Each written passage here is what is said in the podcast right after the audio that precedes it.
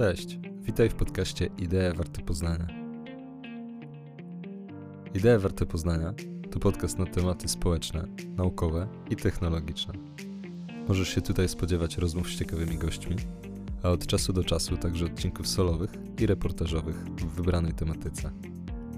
Nazywam się Filip Andrzejak i zapraszam Cię na podróż po ideach, które ukształtują naszą przyszłość.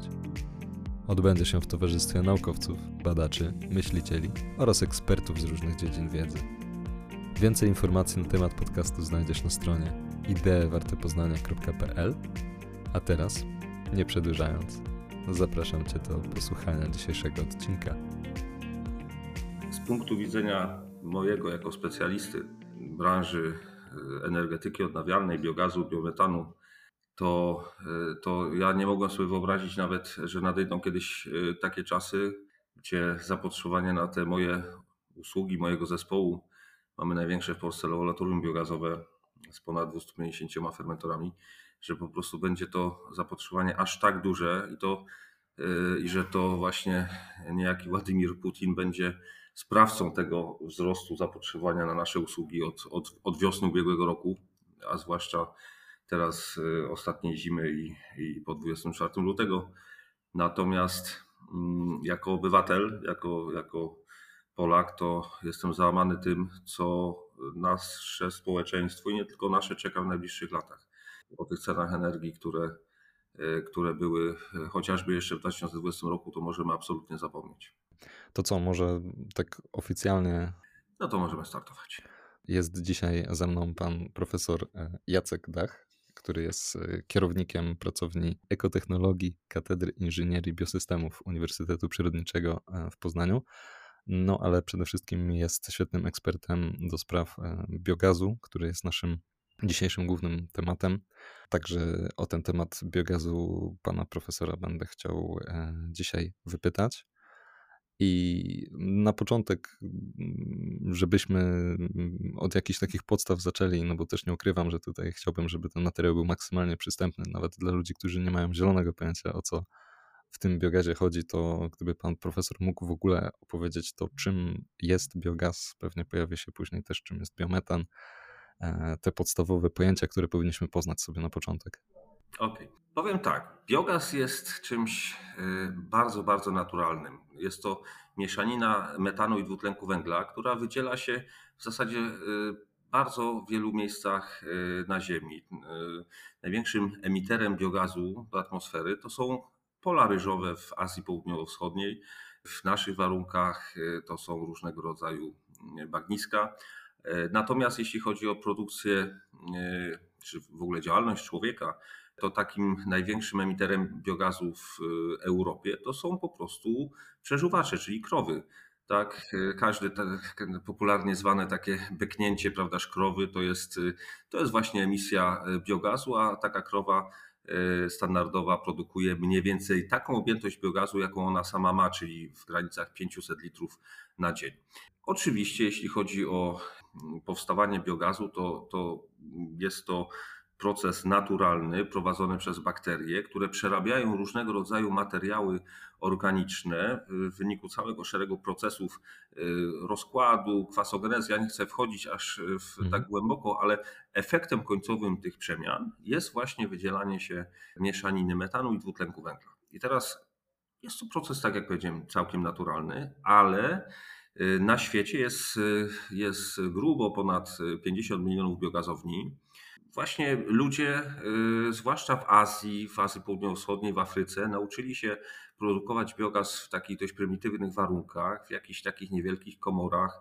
Ja widziałem wielokrotnie, czy w Chinach, czy w Wietnamie, y, takie biogazownie, takie komory w zasadzie umieszczone przy gospodarstwach domowych, przy jakichś małych chlewikach gdzie y, te odchody zwierzęce plus jakieś odpadki domowe były wrzucane, to oczywiście w tych ciepłych warunkach y, mhm. Y, równikowych czy subrównikowych fermentowało sobie i ludzie używają ten biogaz najczęściej do gotowania, do, do oświetlenia, czasem do zasilania małych silniczków kogeneracyjnych produkujących niewielką prąd z niewielką mocą. Bardziej na północ, czyli mm, północne Chiny, Europa, Ameryka Północna, biogaz produkowany jest w dedykowanych dużych instalacjach, na przykład biogazownia, którą mamy mm, w naszym gospodarstwie uniwersyteckim w Przybrodzie pod Poznaniem, mm, ulokowana przy gospodarstwie 200 y, krów, y, łącznie przy, w tym 100 krów mlecznych. Taka biogazownia mm, no, ma dwa wielkie fermentory o pojemności ponad 900 tysięcy litrów każdy i ona, y, ona produkuje biogaz który jest następnie spalany w agregacie kogeneracyjnym. Agregat kogeneracyjny to jest taki silnik przystosowany do instalacji gazowej, do CNG tak zwanej. E, mhm. I do tego silnika przytoczona jest prądnica, która generuje prąd. Taka biogazownia właśnie w, w tym naszym gospodarstwie doświadczalnym e, ma moc 500 kW, pół megawata i w zasadzie no, pracuje, oprócz tego, że produkuje energię elektryczną, również produkuje ciepło, które może być wykorzystane do ogrzewania. I ja myślę, że na którymś etapie naszej rozmowy też pojawi się takie pojęcie jak biometan. E, czy ewentualnie mógłby pan profesor też wyjaśnić, czym jest z kolei biometan, czym on się różni od biogazu? Biometan jest to, można powiedzieć, taki produkt powstający z oczyszczania biogazu. To znaczy, tak jak powiedziałem, biogaz to jest mieszanina mniej więcej od 50 do 75% metanu, Resztę w zasadzie to jest dwutlenek węgla, plus tam jakieś takie minimalne ilości gazów, jak siarkowodór czy, czy azot. Więc można powiedzieć, że biometan jest to biogaz, z którego usuwamy dwutlenek węgla, a przy okazji też te śladowe inne ilości gazów. I jest to, jest to gaz, który ma wartość gazu ziemnego, wartość energetyczną, y, ale ma jedną ogromną, wielką zaletę. Jest to, nie jest to produkt kopalny, nie jest to paliwo kopalne, jest to paliwo odnawialne.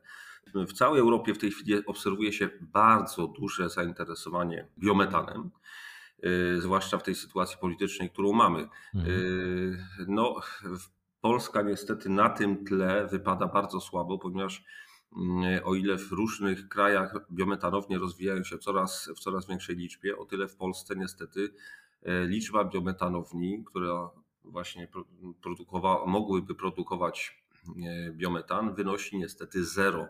Wynika to z kuriozalnej wręcz sytuacji, że nasze państwo od e, kilkunastu lat nie może dorobić się tak zwanej ustawy metanowej, czyli przepisów, które pozwalałyby produkować ten właśnie biogaz y, y, i dalej oczyszczony biogaz, czyli biometan, i wpompowywać ten biometan do sieci gazu ziemnego. Ja myślę, że za chwilę tutaj będziemy sobie właśnie rozmawiali o tych e, szansach, ograniczeniach e, stanie, ale jeszcze chciałem nawiązać do tego mm, komponentu bio, czyli jakby dlaczego, ponieważ skład chemiczny to metan, to mówimy tutaj dwutlenek węgla i tak dalej, dlaczego to jest bio, jakby dlaczego możemy to zaliczyć do odnawialnych źródeł energii? Już mówię. Jeżeli weźmiemy pod uwagę dostępną biomasę, którą, e, którą może, moglibyśmy w Polsce przerobić e, w biogazowniach i wytworzyć z tego biogaz, e, dalej albo biometan, albo energię elektryczną i ciepło, to mamy gdzieś sto kilkadziesiąt, 130, może nawet 150 milionów ton biomasy produkowanej rocznie. Najwięcej co może y, być dość zdumiewające dla osób spoza branży rolniczej. Najwięcej mamy odchodów zwierzęcych. Samego mhm. obornika, czyli tych, te, tego materiału, który no jak się jedzie po Polsce, to widać wręcz y, tysiące ton, tysiące pryzm obornika, które sobie leżą i fermentują. Y, bo to są naturalne biogazownie. Samego obornika w Polsce mamy prawie 100 milionów ton produkowanego rocznie. Do tego jeszcze dochodzi, dochodzą płynne nawozy, czyli właśnie gnojowica, gnojówka. I teraz tak, skąd się te nawozy, y, skąd się ten materiał biologiczny bierze? On się bierze stąd, że kiedyś gdzieś tam na rok wcześniej, czy kilka lat wcześniej na polu rosły sobie rośliny i one w procesie asymilacji y, pobierają dwutlenek węgla z powietrza i wbudowują w swoje komórki. Tak? Te rośliny rosną tylko i wyłącznie dlatego, że mm, pobierają dwutlenek węgla z powietrza. I teraz później te rośliny, na przykład taka, taka kukurydza, jest koszona, następnie produkuje się z niej kiszonkę, czyli paszę dla, dla, chociażby dla bydła.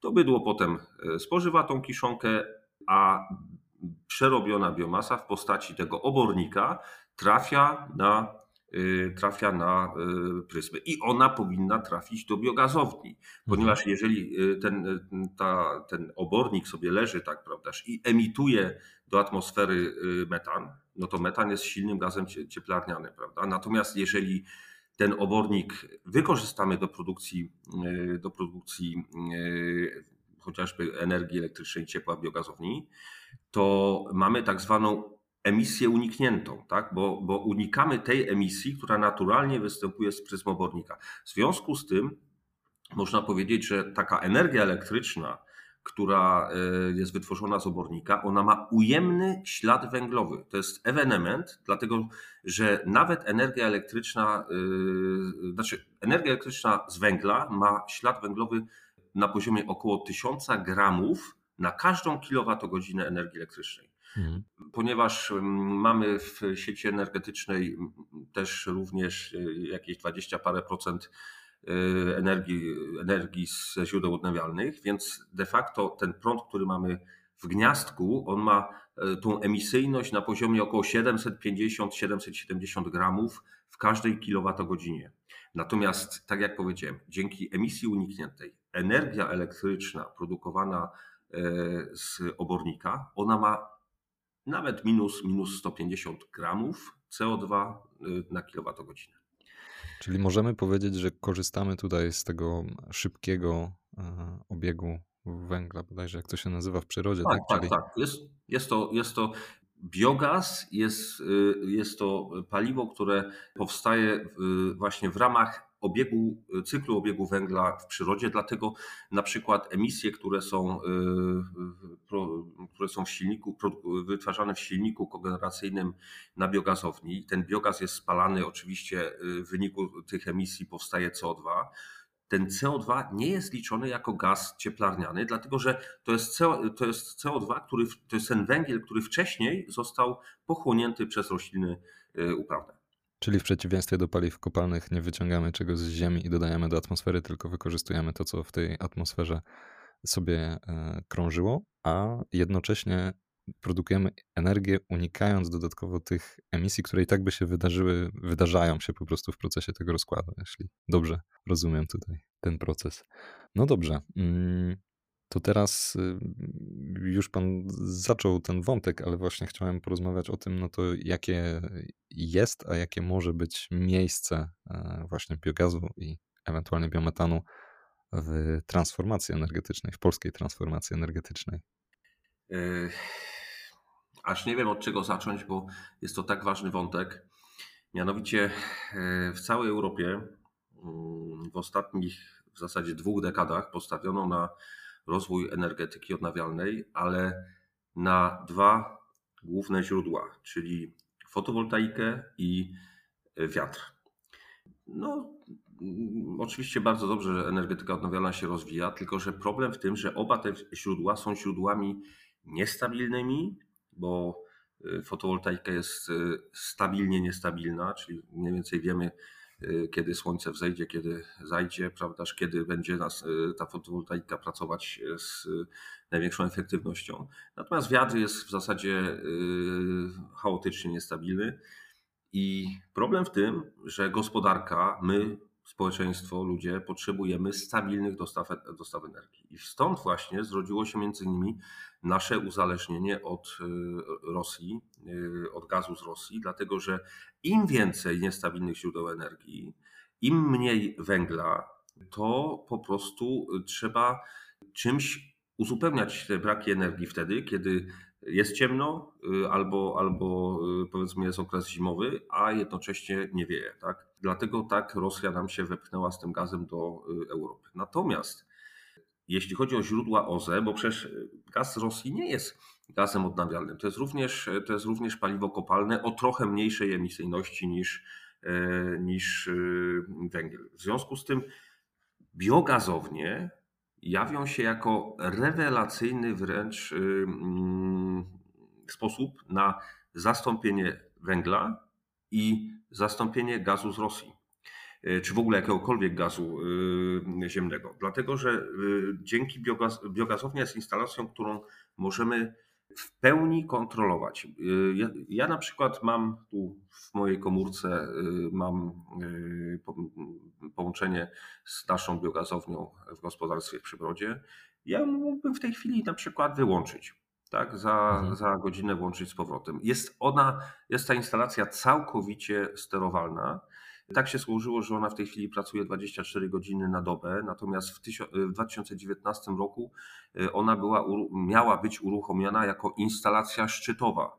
Tylko się okazało wtedy, że ta instalacja wyprzedziła normy prawne, które mamy w Polsce. Nie ma po prostu w tej chwili e, legisla e, takich, takiej legislacji, która pozwalałaby nam pracować jako, e, jako instalacja szczytowa, bo hmm. miała być ta instalacja uruchomiona jako instalacja mo o mocy z silnikiem koordynacyjnym o mocy 0,8 MW, który pracowałby przez 15 godzin na dobę. Czyli w ciągu nocy gaz byłby produkowany, zbierałby się pod taką wielką kopułą i o godzinie na przykład 4.58 y, silnik byłby odpalany. Y, w ciągu y, agregat kondensacyjny synchronizowałby się z, siecią w ciągu około dwóch minut i od godziny na przykład 5 ta energia byłaby podawana do sieci. Później moglibyśmy się wyłączać na przykład w ciągu dnia wtedy, kiedy jest największe natężenie pracy fotowoltaiki i znowu włączać się po południu, prawdaż, pracować sobie na przykład do północy. Okazało się, że no, wtedy prawo niestety jeszcze nie do końca na to pozwalało. Ale co do zasady, nie ma innego wyjścia w polskiej energetyce niż, e, jeżeli chcemy odejść od węgla, niż pójście właśnie w biogazownie szczytowe, czyli e, biogazownie, które pracują w takiej jakby rezerwie wtedy, kiedy brakuje energii. Proszę sobie wyobrazić taką sytuację. E, przemysł w Polsce startuje w zasadzie mm, tam, gdzie się pracuje na dwie zmiany, najczęściej od 6 rano. Czyli powiedzmy od około 5 e, część społeczeństwa już wstaje, reszta, która idzie na, do pracy na 7 czy na 8, generalnie pracuje, znaczy wstaje gdzieś między 5 a, a 6.30.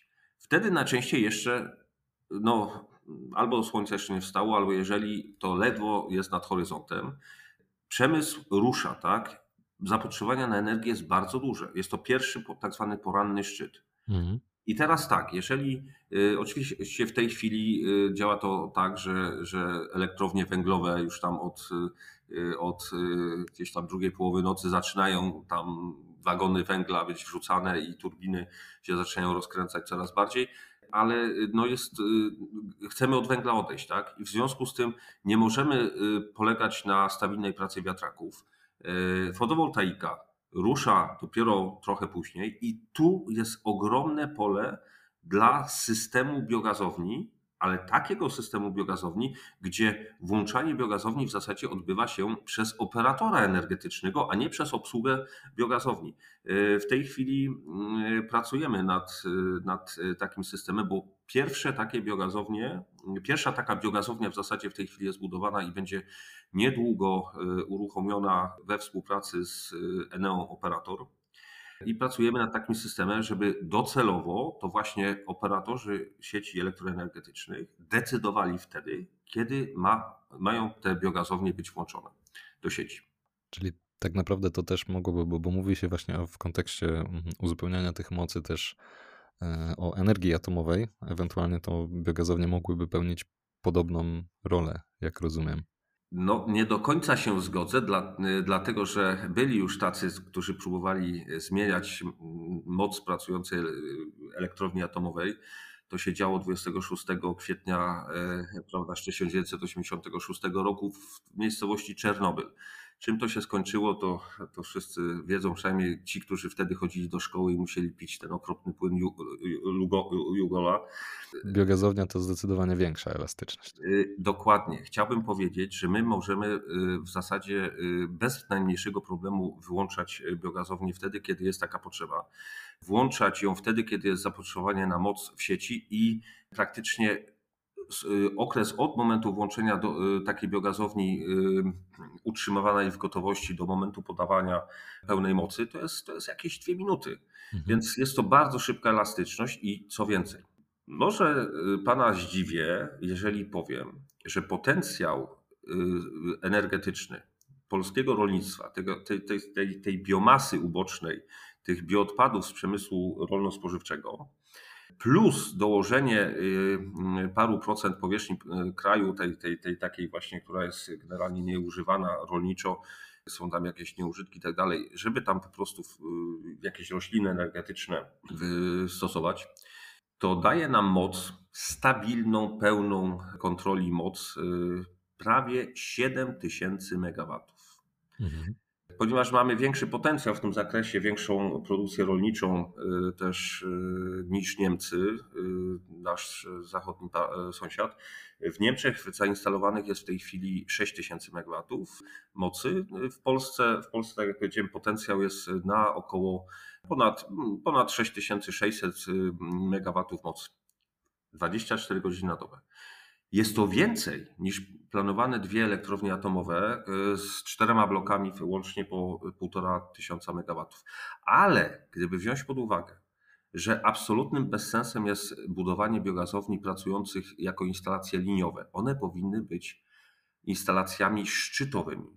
W związku z tym, e, gdybyśmy przyjęli, że taka biogazownia szczytowa pracuje sobie tylko 12 godzin na dobę, czyli pewnie y, nad ranem się włącza, potem przed południem jest wyłączana, potem po południu y, również jest włączana i pracuje sobie do, do tam na przykład do północy.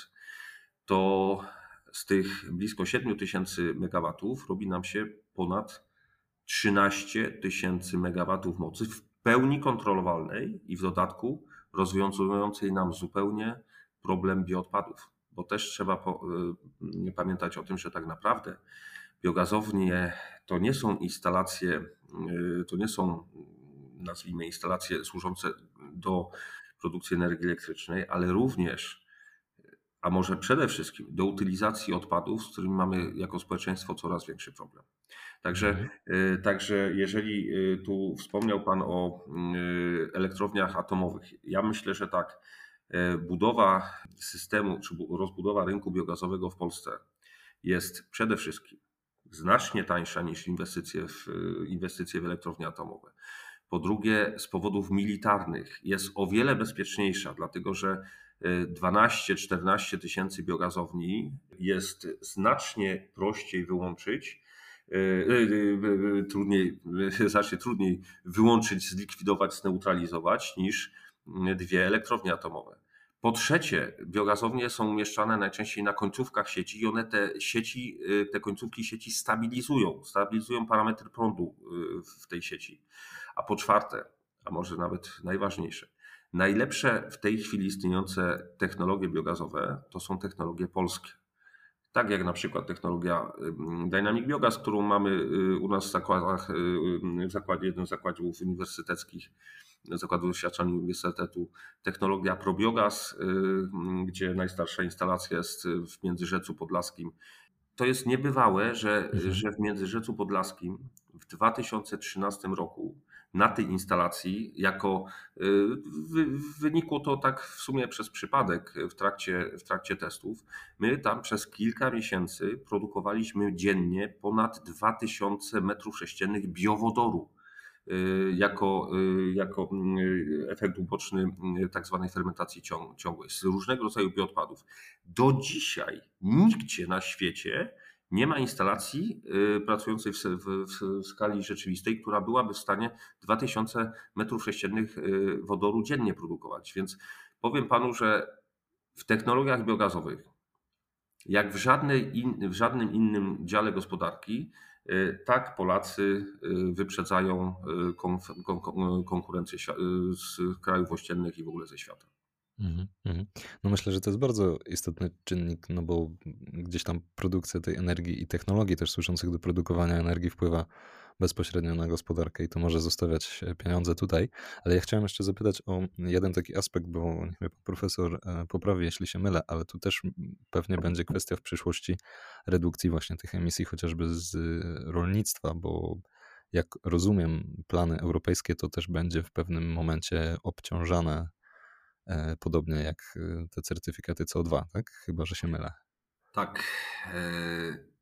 Jest to bardzo duży w mojej opinii problem, że do tej pory tak mało, y, tak mało mówi się o y, właśnie o ogromnym zagrożeniu, jakim może być objęcie rolnictwa właśnie kwestiami konieczności płacenia za emisję, y, konieczności zakupu tych uprawnień do emisji gazów cieplarnianych, tak jak to teraz musi robić energetyka i przemysł ciężki.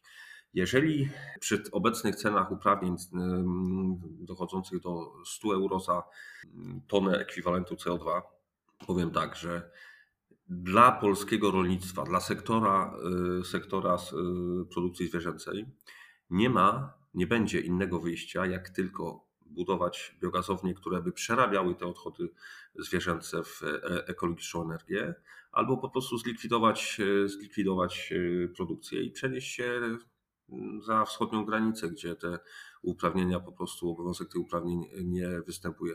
Mm. Po prostu będzie to bardzo duże obciążenie. Nie mówiąc już oczywiście o tym, że potem się e, efektem tego może się okazać, że taki typowy schabowy stanie się cenowo niedostępny dla e, typowego Kowalskiego. Ja się zastanawiam tutaj, bo dużo pan wymienił minusów, tfu, przepraszam, Dużo pan wymienił plusów biogazowni. E, ja się zastanawiam tylko nad y, jedną taką rzeczą. Mhm, też proszę tutaj wyjaśnić ten temat, no bo jeżeli chodzi o paliwo, tak, w cudzysłowie ten substrat, czy tu nie ma zagrożenia w, przy takiej dużej skali, że my wpadniemy taką, w taką pułapkę trochę jak przy produkcji biopaliw czy komponentów do biopaliw, że zamiast produkować żywność zaczniemy produkować tylko substrat do, do tworzenia tego paliwa? Czy, czy, czy, czy, czy tutaj nie wpadniemy w taką pułapkę, rozwijając mocno ten kierunek?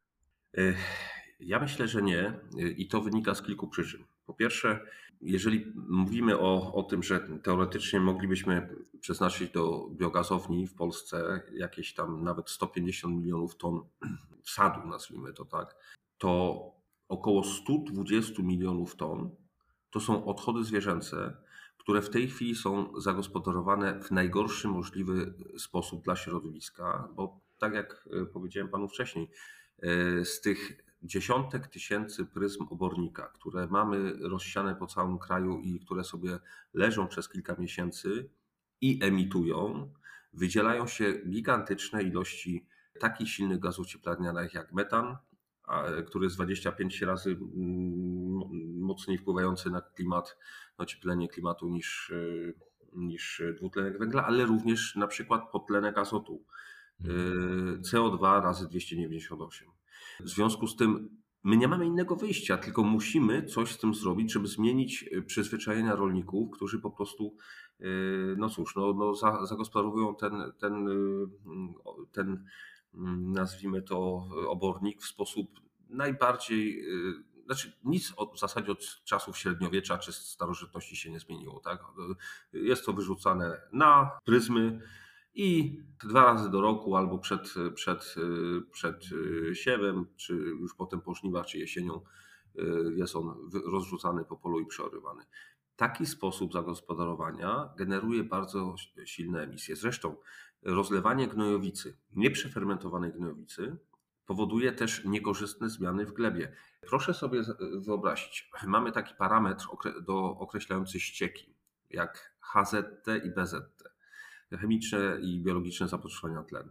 Mhm. Typowe ścieki komunalne, tu w, na przykład w Poznaniu te ścieki, które dopływają do oczyszczalni ścieków w Aquanecie, one mają poziom BZT, tych właśnie tego biologicznego zapotrzebowania na tlen, na poziomie gdzieś tam 1200 mg tlenu na e, litr, czyli, czyli 1200 mg e, tlenu potrzebne jest do tego, żeby te ścieki zneutralizować. Gnojowica ma ten parametr HZT nawet sięgający 30 tysięcy. Najczęściej jest to kilkanaście tysięcy, dwadzieścia kilka tysięcy. Mówimy tu o ścieku 20-30 razy bardziej stężonym niż ścieki komunalne. I teraz, gdyby ktoś chciał wylewać ścieki komunalne na pole, to byłby po prostu no, myślą sądzony jak, jak, jak ktoś, kto łamie kodeks karny. Natomiast rolnicy rozlewają, bo to jest przyjęte już od dawien dawna, rozlewają właśnie ten, nazwijmy to wprost, ściek odzwierzęcy na pola, najczęściej bez żadnej, mm, żadnej utylizacji, bez żadnego przetworzenia. Mhm. Fermentacja biogazowni powoduje, że ten parametr BZT, y, mm, czyli to biologiczne zapotrzebowanie na tlen, my w procesie fermentacji redukujemy kilkadziesiąt razy nawet, nawet, nawet więcej, do minimalnych poziomów. Natomiast y, y, tą, tą, ten potencjał właśnie, y, to jest związane z potencjałem energetycznym, my go wyciągamy w postaci energii chemicznej, czyli metanu. Dlatego z punktu widzenia środowiskowego to właśnie odchody zwierzęce powinny być przede wszystkim przerabiane i potem stosowane jako przyjazny glebie, przyjazny środowisku nawóz i przyjazny roślinom, bo rośliny na pofermencie rosną jak szalone. Natomiast druga rzecz, druga jakby grupa, nazwijmy to substratów do biogazowni, które my bierzemy pod uwagę, to jest tak zwana biomasa uboczna i bioodpady. Mamy w Polsce niezwykle rozbudowany system przemysłu rolno-spożywczego, różnego rodzaju właśnie przetwórnie warzyw, owoców, mleczarnie, ubojnie, rzeźnie jesteśmy od 2012 roku największym producentem drobiu w Europie i ciągle tą przewagę nad konkurencją powiększamy. Eksportujemy mięso, tak, ale odpady zostają. Eksportujemy różnego rodzaju właśnie mm, produkty, czy to mleczarskie, y, y, warzywne, owocowe. Odpady zostają. Są to rewelacyjne y, z kolei materiały do produkcji właśnie biogazu, do zasilania biogazowni. Mamy łącznie kilkadziesiąt milionów ton słomy, która jest ubocznym produktem y, produkcji właśnie zbóż, y, y, rzepaku, kukurydzy i tak. I w zasadzie no, ten materiał, oczywiście on, y, trzeba się nim podzielić z innymi działami produkcji, z pieczarkarzami, z właśnie z hodowcami, y, z producentami peletu czy brykietu energetycznego, ale oceniamy, że jest kilka milionów ton słomy kukurydzianej, kilka milionów, około 8 milionów ton słomy zbożowej, która może być również wykorzystywana jako substrat do biogazowni.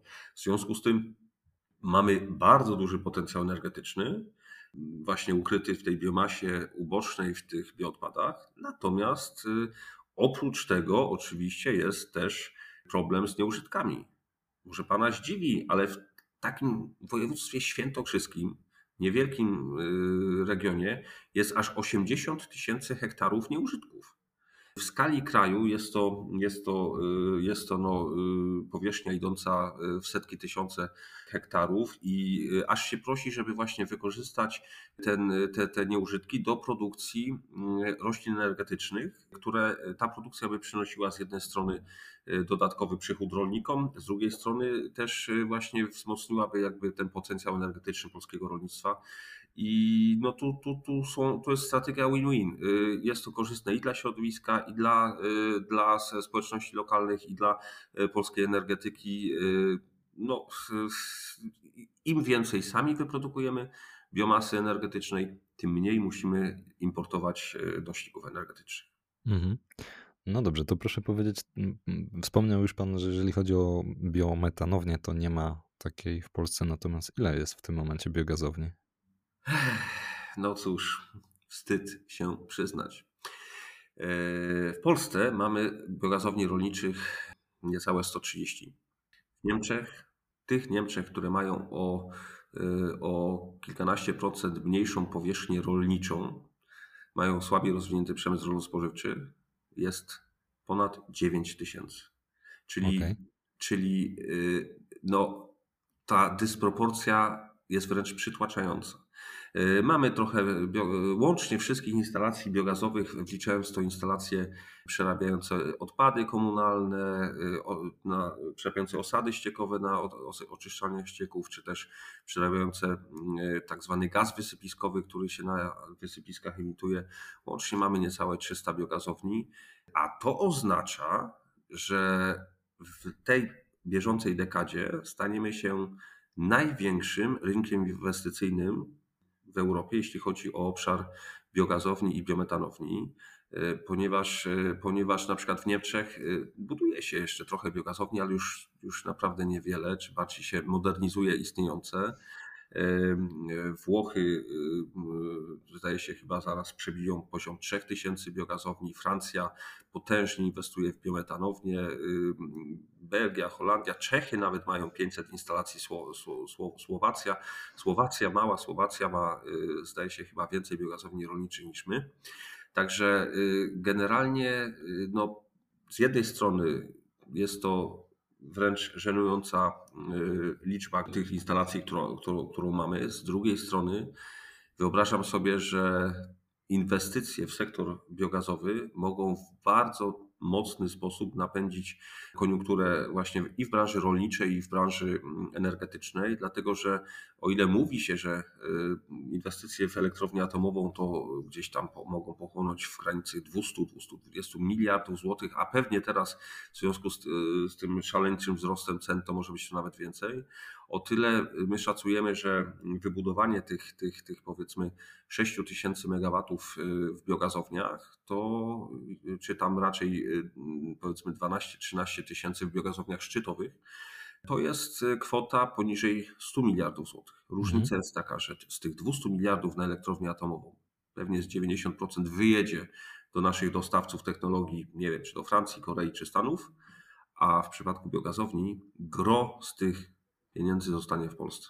No dobrze, to ja jeszcze chciałem, za chwilkę myślę, że chciałbym spytać tu o tą ekonomikę już w przypadku takich pojedynczych inwestycji, ale to najpierw jeszcze zadam pytanie, to z czego to nasze zapóźnienie wynika? Czy to jest jakieś kwestie polityczne, czy to jest, nie wiem, wiedza, edukacja, jakieś inne problemy? Z czego to wynika?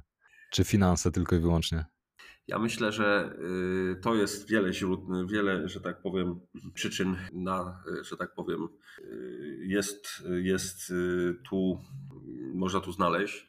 Myślę, że aspekt polityczny jeszcze nawet do niedawna był jednym z istotnych. Mieliśmy przecież 12 lat temu, bodajże czy 13, w 2010 wicepremier Pawlak ogłosił hasło biogazownia w każdej gminie. To hasło zostało obśmiane przez, przez e, dziennikarzy, często po prostu jakoś zupełnie przeinaczone.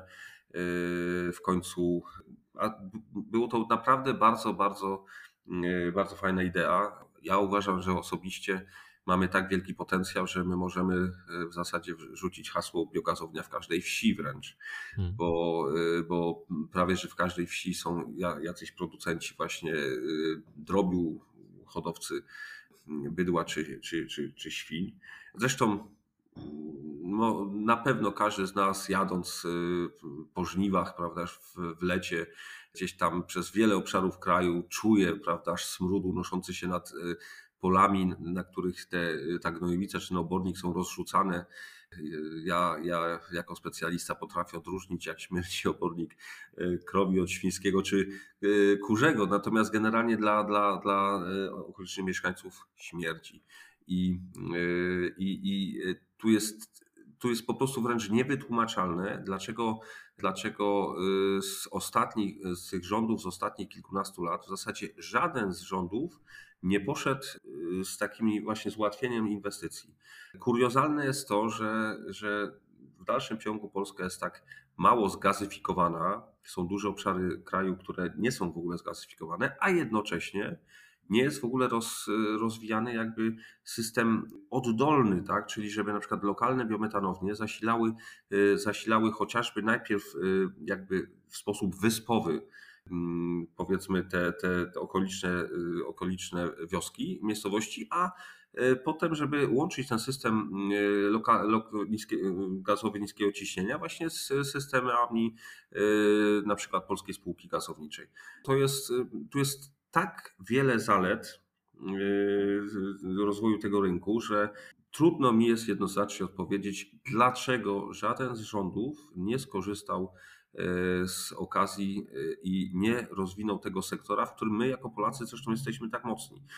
Z drugiej strony też trzeba znaleźć pozytywy w tym wszystkim. Niemcy wybudowali te 9 tysięcy biogazowni w takiej już można powiedzieć trochę starodawnej technologii, która technologia generalnie Navarro, to te biogazownie niemieckie to są nazywane tak eufemistycznie jako betonowe krowy, bo procesy rozkładu są trochę podobne do tego, co się dzieje w, w pierwszym żołądku krowy. Natomiast y, te polskie biogazownie, które, y, które powiedzmy te 10 lat temu się rozwijały, mm, miały, mm, zwłaszcza od 2012-2013 roku, miały dofinansowanie na poziomie 2-2,5-krotnie niższe niż takie same biogazownie niemieckie. W związku z tym ostatnia dekada w Polsce to był, to był po prostu rozwój, nieprawdopodobny rozwój technologii. Na zasadzie albo przeżyjesz, albo zbankrutujesz. Mhm. I stąd właśnie wzię, wzięły się te nasze różnego rodzaju innowacyjne rozwiązania, które powodują właśnie, że w tej chwili polskie biogazownie no, wprawiają w zdumienie swoją efektywnością specjalistów z zachodu. Ja e, na biogazowni w Przybrodzie gościłem e, kolegów z wielu krajów Europy, z Chin, no i naprawdę mnie y, jako naukowca rozpiera duma, że y, potrafię, że mogę pokazać nasze polskie rozwiązania, które są tak innowacyjne, że wywołują zachwyt kolegów z zachodniej Europy czy z mhm. Azji. Ja się zastanawiam też, już tak patrząc zewnętrznie, bo przyznam szczerze, już tak osobiście dla mnie, temat był zupełnie, nie miałem pojęcia o istnieniu czegoś takiego jak biogazownia. Dowiedziałem się dopiero, kiedy zainteresowałem się tematem transformacji energetycznej i zacząłem szukać e, informacji na różne tematy. W jaki sposób na to trafiłem? Czy nie uważa pan, że brakuje też trochę, nie wiem, PR-u, edukacji, wiedzy w tym temacie? Tak, właśnie budowa biogazowni e, takiej, takiej niewielkiej, ona według, według nomenklatury prawnej to jest biogazownią małą, bo ma dokładnie 499 kW mocy. Więc budowa takiej biogazowni w naszych zakładach doświadczalnych była spowodowana również chęcią zmiany negatywnego nastawienia e, społeczności lokalnych do biogazowni. Dlatego, że e, była taka jedna biogazownia, e, która, którą otworzono w 2009 roku, duża, mocy 2 MW. Na, na otwarciu było wielu przedstawicieli mediów, właśnie różni zaproszeni goście. E, wybudowała to firma niemiecka, która potem zbankrutowała w Niemczech i, i, i ta biogazownia była prowadzona tutaj przez, przez e, spółkę polską w sposób niestety nieodpowiedni. Tam po prostu proces fermentacji e, no, wielokrotnie się załamywał. Tą, tą, próbowano z tej betonowej krowy zrobić po prostu wszystko żerną świnię. No tak się nie da albo może inaczej, tak się da, ale trzeba mieć e, do tego odpowiednich specjalistów. Tam co chwilę się zakwaszało, to potem było wypompowywane ten, ta cała zawartość do laguny. E, no a skoro jako substraty były używane na przykład wywar gorzelniany czy, czy, czy, e, czy cebula, odpady cebulowe, no jak śmierdzi rozkładająca się cebula, to chyba każdy z nas wie, jak ktoś nie wie, to można wziąć cebulę, wrzucić gdzieś tam za lodówkę, odczekać z dwa tygodnie. Yy, wywar gorzelniany rozkłada się mniej więcej yy, wydzielając, yy, to, to jest białko, więc fetor rozkładających się o białka to jest taki fetor gnijących zwłok. Więc może sobie pan wyobrazić, co tam się działo, jak z tej nieprzykrytej niczym laguny zaczęły się wydzielać różnego rodzaju odory, no smród niesamowity i mm, gdyby pan wpisał y, właśnie hasło w goglach y, biogazownia śmierdzi, to właśnie tam się pojawi cała masa y, historii związanych z tąże biogazownią. Ta jedna biogazownia po prostu nam zepsuła wizerunek sektora biogazowego. No bo ja ro, robiąc research znalazłem właśnie wątki, jakby nie wiedziałem z czego to wynika, ale znalazłem i o to też chciałem zapytać właśnie, czy biogazownia śmierdzi, bo znalazłem takie wątki typu jakby protesty mieszkańców przeciwko budowie biogazowni i tak dalej, i tak dalej, czyli tu byśmy mieli przyczynę. Biogazownia sama w sobie nie może śmierdzić, dlatego że jest instalacją gazową. Ona musi przejść po prostu y, odbiory y, odpowiednie, żeby mogła być dopuszczana do użytkowania. Ale śmierdzi, może śmierdzić to, co jest przywiezione, jeżeli jest w sposób długotrwały przechowywane, albo jeżeli jest nieodpowiedni proces fermentacji. I y, no, powiem tak, na pewno proces trawienia w biogazowni w pewnym momencie powoduje, że, że zawartość tej biogazowni, tej, tej, tej treści pokarmowej może wydzielać zapach podobny do zapachu treści naszego żołądka, więc nie jest to nic przyjemnego, tak? Ale, ale już to, co wychodzi na końcu, ten poferment z prawidłowo zarządzanej biogazowni, on ma zapach takiej i wygląd takiej czarnej ziemi ogrodniczej rozpuszczonej w wodzie. Czyli jest to zapach neutralny. I teraz y, niestety y, właśnie przez takie dobre, dobre, dobre przykłady biogazowni, one, one są generalnie gdzieś tam mało medialne. Dziennikarze o tym nie piszą. Natomiast właśnie jak się tam gdzieś coś źle dzieje, biogazownia jest źle zarządzana, to, to, jest, to jest dobry case do tego, żeby to opisywać. I potem się pojawiają właśnie różnego rodzaju artykuły y, alarmistyczne i stąd poszła taka fama, że biogazownie śmierdzą. Niektórzy utożsamiają biogazownię z Oświęcimiem, z Czarnobylem wręcz. I jednym właśnie z powodów, dla których y, my jako uniwersytet postanowiliśmy mm, pójść w kierunku właśnie mm, inwestycji biogazowych, to bo, bo, bo mamy jedną biogazownię w jednym gospodarstwie, w kolejnym budujemy trzy kolejne Y, razem z Narodowym Centrum Badań i Rozwoju.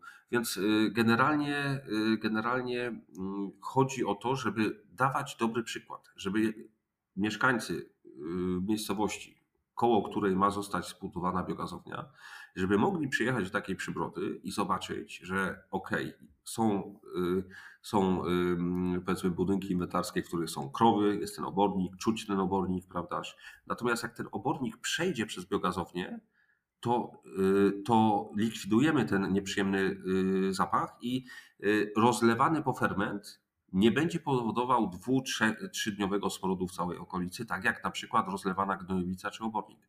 Dlatego ja aż w sumie jestem zdziwiony tym, że od momentu otwarcia naszej biogazowni to przewinęło się tam już, musiałbym spytać dyrektora gospodarstwa, ale albo prawie 10 tysięcy, albo już ponad 10 tysięcy Y, zwiedzających y, studenci, uczniowie, rolnicy, biznesmeni, inwestorzy, y, urzędnicy, samorządowcy, urzędnicy prawda, samorządów marszałkowskich, ale również administracji rządowej. Także no, staramy się nieść tą, ten dobry przykład i, roz, i, i uświadamiać ludziom, że bio, nowoczesne biogazownie to jest przyszłość naszej polskiej energetyki bo tak czy owak z węgla musimy y, zrezygnować, z gazu również, natomiast biogazownie zapewnią nam tą, to bezpieczne lądowanie naszego systemu elektroenergetycznego. Mhm.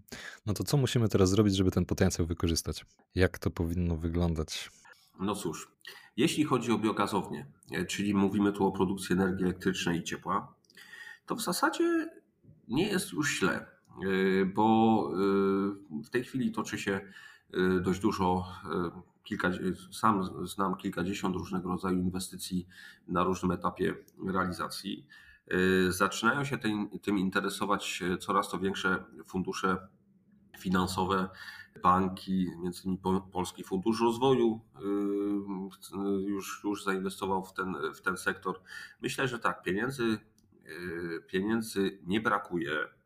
Tu y, problem jest troszeczkę z przyłączami, dlatego że w tej chwili jest y, y, sieci elektroenergetyczne, czy raczej operatorzy, są zawaleni ilością wniosków o przyłączenie, które złożyły różnego rodzaju firmy inwestujące w fotowoltaikę.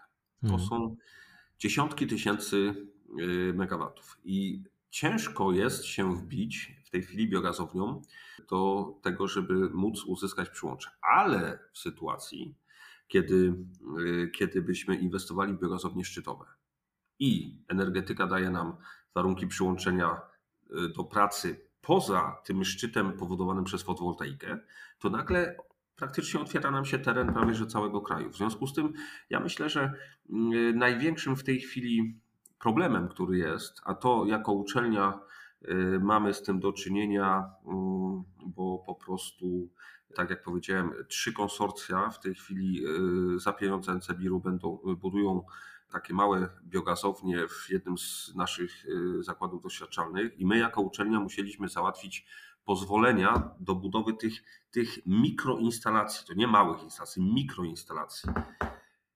to była droga przez mękę. Mamy tak skomplikowane mhm. procedury prawne, że wydaje się, że chyba najważniejsze, nie wiem czy nie jesteśmy na topie w Europie, jeśli chodzi o stopień skomplikowania procedury inwestycyjnej. I gdyby, y, zresztą no, pracujemy w tej chwili y, nad tym, żeby wydać takie przepisy, żeby biogazownie były traktowane jako, y, jako szczególne instalacje pożytku publicznego i żeby miały łatwiejszą inwestycję. Proszę sobie wyobrazić, że taka biogazownia jak przy Brodzie, ona jest wybudowana na takim trawniku, y, który ma 1850 metrów kwadratowych. Tyle ma typowy, typowa działka gdzieś tam y, z domkiem do rodziny. Cała działka, na której stoi biogazownia, miała 3000 3350 y, metrów kwadratowych. Taka instalacja no, nie, nie powod, to nie jest jakaś instalacja w dużej skali i ona powinna mieć zieloną, zielone światło. Jakby długość załatwiania inaczej. Taką biogazownię w tej technologii, którą my tam mamy, w technologii Dynamic Biogaz, która jest, polega na skręcaniu gotowych elementów stalowych przywiezionych na miejsce budowy w kontenerach to się skręca no, trochę może bardziej w sposób skomplikowany jak meble z Ikei, ale to mniej więcej tak to wygląda. Czas budowy takiej instalacji to jest 3 do 4 miesięcy. Ale czas załatwiania mhm. e, dokumentów to jest czasem i rok, i dłużej. W związku z tym powinno być odwrotnie. Znaczy, inaczej, czas załatwiania dokumentów Y, niezbędnych do rozpoczęcia inwestycji nie powinien być dłuższy niż sam czas inwestycji. Więc tu jest chyba ta, ta, ta cała papierologia i, y, i ta ilość różnego rodzaju urzędów, które są zaangażowane w decy- właśnie podejmowanie decyzji, to jest chyba największy problem. No i oczywiście zbliżamy się powoli do y, okresu wy- wyborów samorządowych i na pewno część włodarzy ja mam takie złe doświadczenia. Generalnie im gorzej w danej gminie się dzieje, a ktoś chce wybudować biogazownię, tym częściej się zdarza, że burmistrz albo wójt staje jako ten, ten, ten przywódca ruchu ludowego sprzeciwiającego się biogazowni i po prostu tworzy się wręcz histeria. Tak?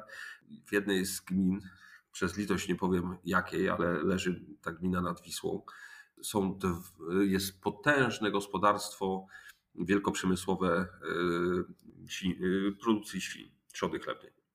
Trzy razy do roku, jak rozlewają tam gnojowice, to jest po prostu odorowy amok.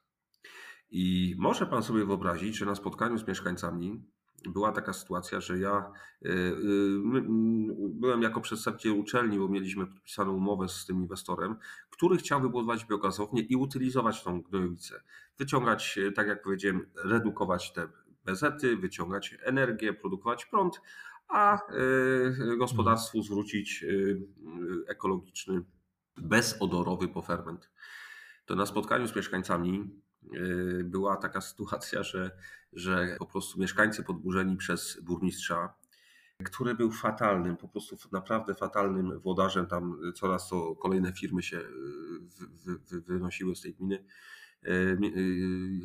Mieszkańcy w pewnym momencie zakrzyczeli nas, kiedy ja powiedziałem, że, że no nie będzie, nie będzie, e, zredukujemy w dużej mierze ten smród z gnojowicy ale to było, tak, ale to jest nasz smród. My, my się do niego przyzwyczailiśmy. Nie chcemy waszego smrodu, nie chcemy tej waszej biogazowni.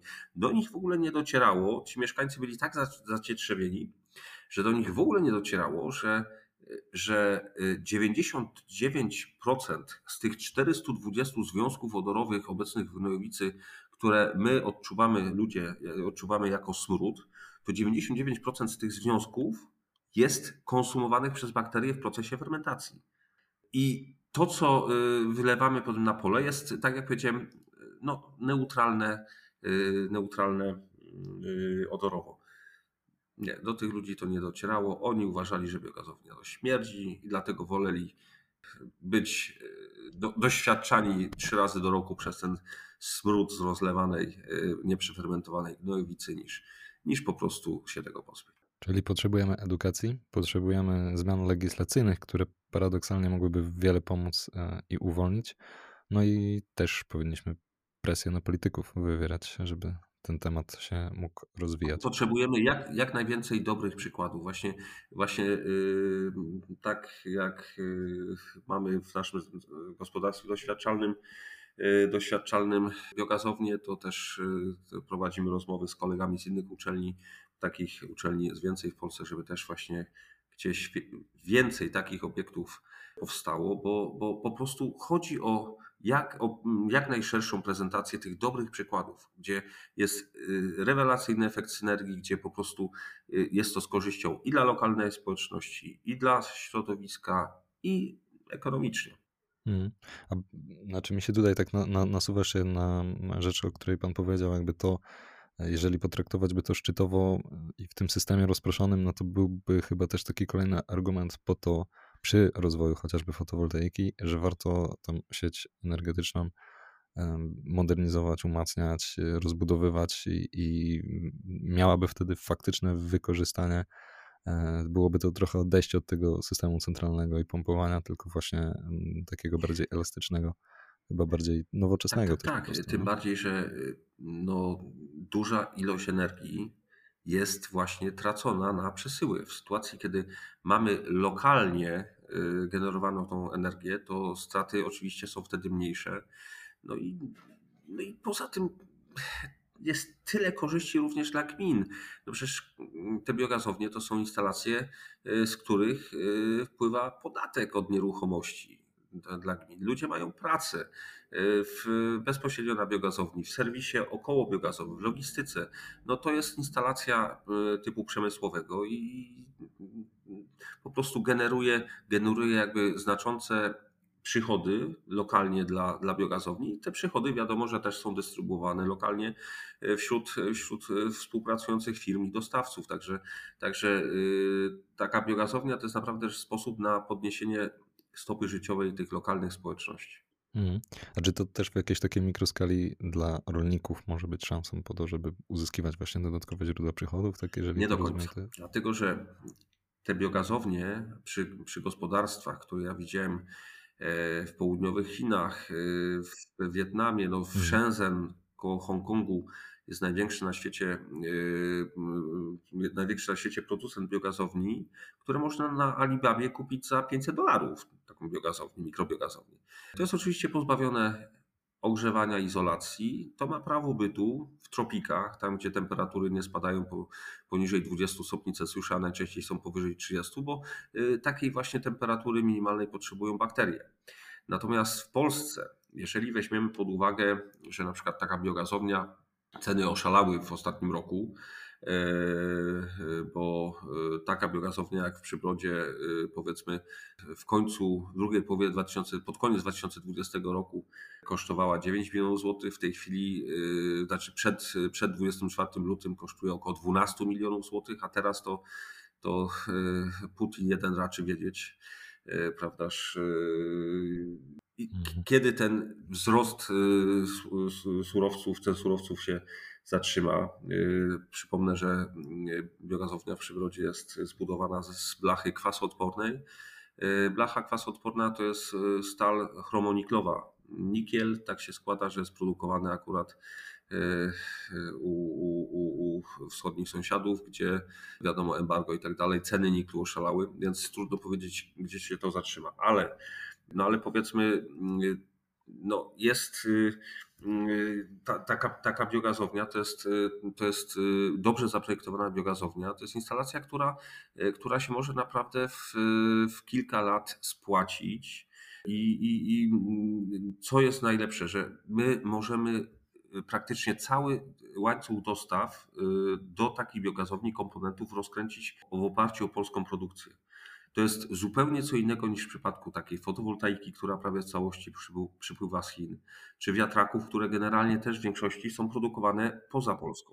Więc to jest, mhm. y, to jest po prostu sektor, który, który należałoby rozwijać, bo korzyści, nie wiem ile jedna złotówka y, zainwestowana w biogazownię może pociągnąć za sobą złotówek inwestycji w naszym przemyśle, ale myślę, że gdyby się ekonomiści tym zajęli, to jest to naprawdę, naprawdę bardzo, myślę, ciekawa sprawa. Czyli tutaj energetyczna partyzantka nie ma szans na powodzenia, ale takie inwestycje systemowe mogą się. Może dodam, bo jakby od tej ceny 12 milionów dla 500 kW.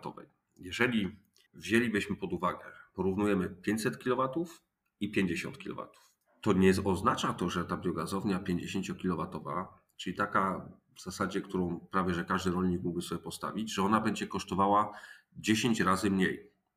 Nie, dlatego że tak, mhm. rury, które mają tam średnicę powiedzmy 200 mm, e, e, to, to, to, to one nie będą miały tego przekroju dziesięciokrotnie mniejszego dla, dla, dla 50. Zawory będą takie same.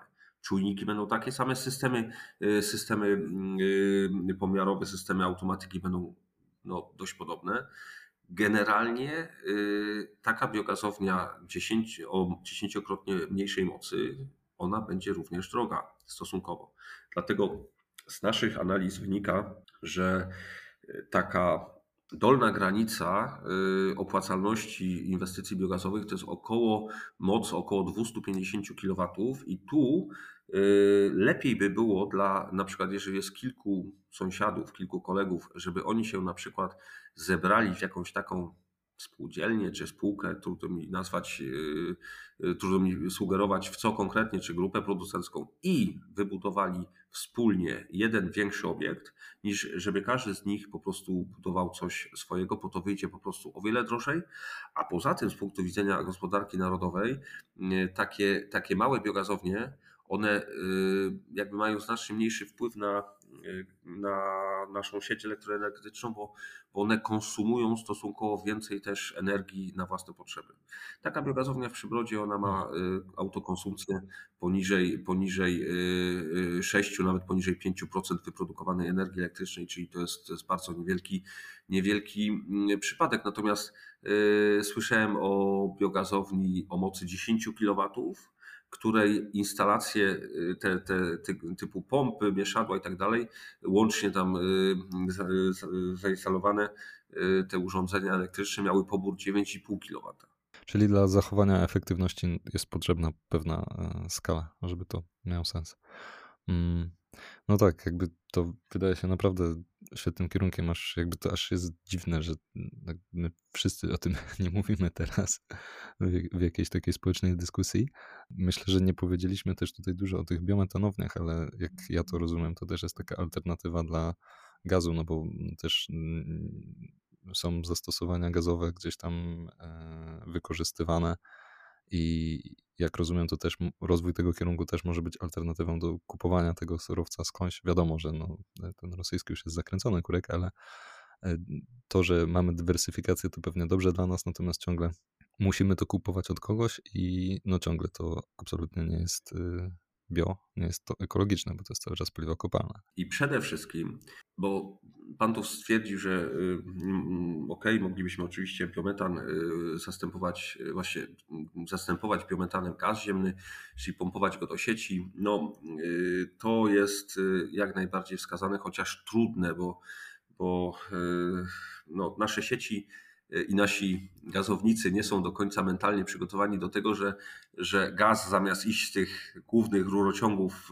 y, schodząc coraz, y, do coraz to rurociągów o niższym ciśnieniu, y, nagle miałby iść w odwrotnym kierunku, tak? czyli to, to mm, gdzieś tutaj z terenów lokalnych miałby być ten biometan wpychany do sieci, ale ta mentalność się zmienia i myślę, że, że, że już niedługo te biometanownie się zaczną pojawiać. Ale jest jeszcze inny kierunek, który wydaje się, że powinien być y, nawet bardziej preferowany, mianowicie biometan w transporcie. Podam przykład Poznania. Mhm. Mamy dwie oczyszczalnie ścieków, produkujemy bardzo dużą ilość, miliony metrów sześciennych rocznie bio, y, biogazu o dużej zawartości biometanu, który mógłby być bez większego problemu oczyszczony właśnie do jakości biometanu. Część transportu e, poznańskiego no to jest y, tabor, który jak jeździ, to dymi jak nieszczęście. Poznań, y, nasze władze tutaj rzuciły się na w odległą przyszłość, prawdaż, y, autobusy wodorowe, a jednocześnie hmm. nasze tutaj właśnie te oczyszczalnie ścieków plus jeszcze do tego biokompostownia, którą mamy do przerabiania odpadów, mogłyby wygenerować taką ilość ekologicznego biometanu, która by w zasadzie oczyściła nam miejski transport. I byłoby to super ekologicznie, byłoby to bardzo tanio, dlatego że taki autobus z instalacją CNG kosztuje bodajże 2,5 raza taniej niż autobus wodorowy. Mało tego, duża część y, taboru mogła być niskim kosztem, silniki mogły być niskim kosztem przerobione do zasilania na biometan. No i tu y, społecznie jakby to fajnie było, było prawdaż, y, odebrane, że, że, że poznaniacy produkując te swoje własne ścieki jednocześnie tak naprawdę działają na chwałę miejskiego transportu, prawda? Więc no i takich sytuacji jest mnóstwo w każdym większym polskim mieście, gdzie jest oczyszczalnia ścieków y, wyposażona w, w, no, w biogazownię. Y, nie potrafię zrozumieć, dlaczego nasi włodarze y, miejscy nie idą w kierunku zazielenienia transportu miejskiego, czyli po prostu albo przerobienia istniejących autobusów na autobusy zasilane biometanem, albo po prostu w zakup nowych, y, nowych autobusów. Tym bardziej, że Narodowy, Narodowy mm, Fundusz Ochrony Środowiska zdaje się uruchomił już jakieś środki y, na zakup nie tylko y, na dotację do zakupu nie tylko autobusów elektrycznych czy wodorowych, ale również zasilanych biometanem. Także no mam nadzieję, że to, to, to postrzeganie się niedługo zmieni i, nie, i, i w wielu miastach nie, nie będzie rozwijana tylko komunikacja oparta na y, autobusach elektrycznych czy wodorowych, które są horrendalnie drogie, które są produkowane najczęściej jeszcze na komponentach y, importowanych i pójdzie ten rozwój również w tani, efektywny i przyjazny środowisku właśnie zasilania biometanem y, z otrzymywanym z fermentacji ścieków. Czyli tutaj otwiera się jeszcze ta furtka transportowa, nie tylko energetyczna. No, faktycznie wręcz ten potencjał wydaje się e, ogromny i to, to jest jakby z mojego punktu widzenia to jest aż fascynujące, że chyba tak mało się mówi na ten temat i tak naprawdę wszystkie nasze telewizje nie mówią, ach, słuchajcie, mamy coś takiego do rozwinięcia. No ale to już jest pewnie historia też na inną e, rozmowę. I ja bardzo bym panu chciał podziękować za poświęcenie czasu, opowiedzenie o tych tematach. Mam nadzieję, że to też się przysłuży w tym temacie edukacyjnym, w tej części edukacyjnej. No i cóż, powodzenia w rozwoju tych projektów. Mam nadzieję, że będziemy mogli okazję się kiedyś jeszcze spotkać i porozmawiać za jakiś czas, może za kilka lat i, i to wszystko będzie już wtedy w zupełnie innym punkcie. Dziękuję bardzo. Pozdrawiam serdecznie, do usłyszenia. I to już wszystko w dzisiejszym materiale. Jeśli nie chcesz przegapić kolejnych odcinków, to zasubskrybuj proszę Ideę Warty Poznania na swojej ulubionej platformie podcastowej.